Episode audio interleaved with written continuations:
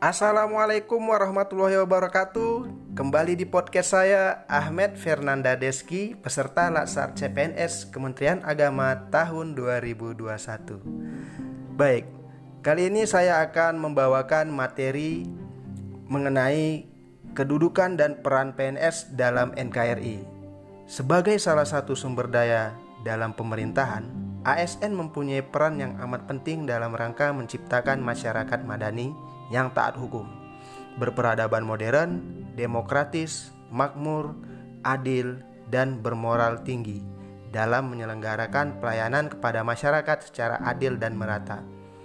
Menjaga persatuan dan kesatuan bangsa dengan penuh kesetiaan kepada Pancasila dan Undang-Undang Dasar tahun 1945. Pada agenda ini, ada tiga konsep materi yang harus dipahami oleh seorang ASN, yaitu di antaranya manajemen ASN, pelayanan publik, dan world of government. Ketiga konsep ini akan menjelaskan bagaimana seorang ASN dalam melaksanakan tugas dan tanggung jawabnya sebagai pelayan masyarakat. Oke, kita masuk ke pembahasan. Yang pertama yaitu tentang konsep materi manajemen ASN. Berdasarkan Undang-Undang Nomor 5 Tahun 2014 bahwa manajemen ASN terdiri dari manajemen PNS dan manajemen PPPK atau P3K.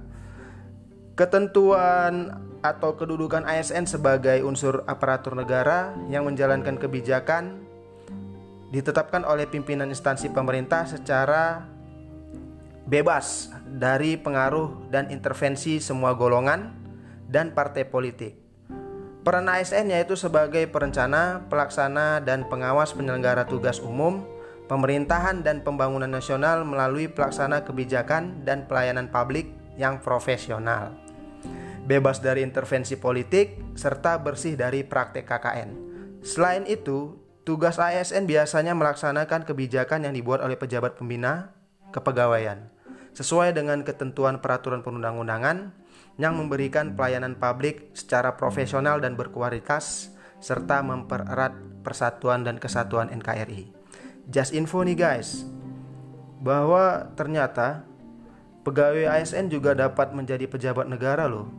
Pegawai ASN dari PNS yang diangkat menjadi pejabat negara diberhentikan sementara dari jabatannya dan tidak kehilangan status sebagai PNS. Oke, kita masuk ke konsep yang kedua yaitu pelayanan publik.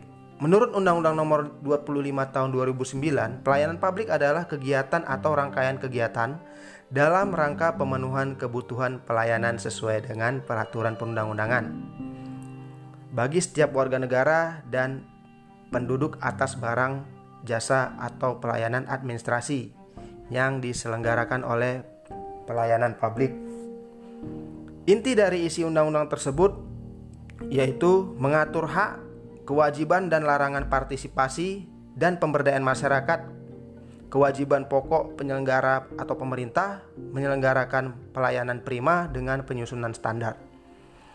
Pelayanan publik pada hakikatnya pemberian pelayanan prima kepada masyarakat yang merupakan kewajiban aparatur negara sebagai abdi masyarakat. Selain itu, pelayanan publik berdasarkan klasifikasinya pelayanan administrasi, pelayanan barang, pelayanan jasa, dan pelayanan regulatif. Ada beberapa prinsip pelayanan publik, yaitu kesederhanaan, kejelasan, kepastian, waktu, akurasi, keamanan, tanggung jawab, kelengkapan, sarana dan prasarana, kemudahan akses, kedisiplinan, kesopanan, dan keramahan, serta kenyamanan. Berdasarkan prinsipnya ada 14 pengembangan profesionalitas dalam pelayanan publik. Salah satunya adalah mengembangkan jaringan kerja dalam pelaksanaan pelayanan publik. Masuk ke dalam konsep yang ketiga, yaitu World of Government atau WOG. Menurut United States Institute of Peace atau USIP, WOG adalah sebuah pendekatan yang mengintegrasikan upaya kolaboratif dari instansi pemerintah, untuk menjadi kesatuan menuju tujuan bersama. Juga dikenal sebagai kolaborasi kerjasama antar instansi, aktor pelayanan, dan menyelesaikan suatu masalah pelayanan. Lalu, mengapa kita perlu menerapkan WOG dalam menjalankan sistem pemerintahan? Jawabannya adalah pertama karena adanya dorongan publik untuk kinerja good governance.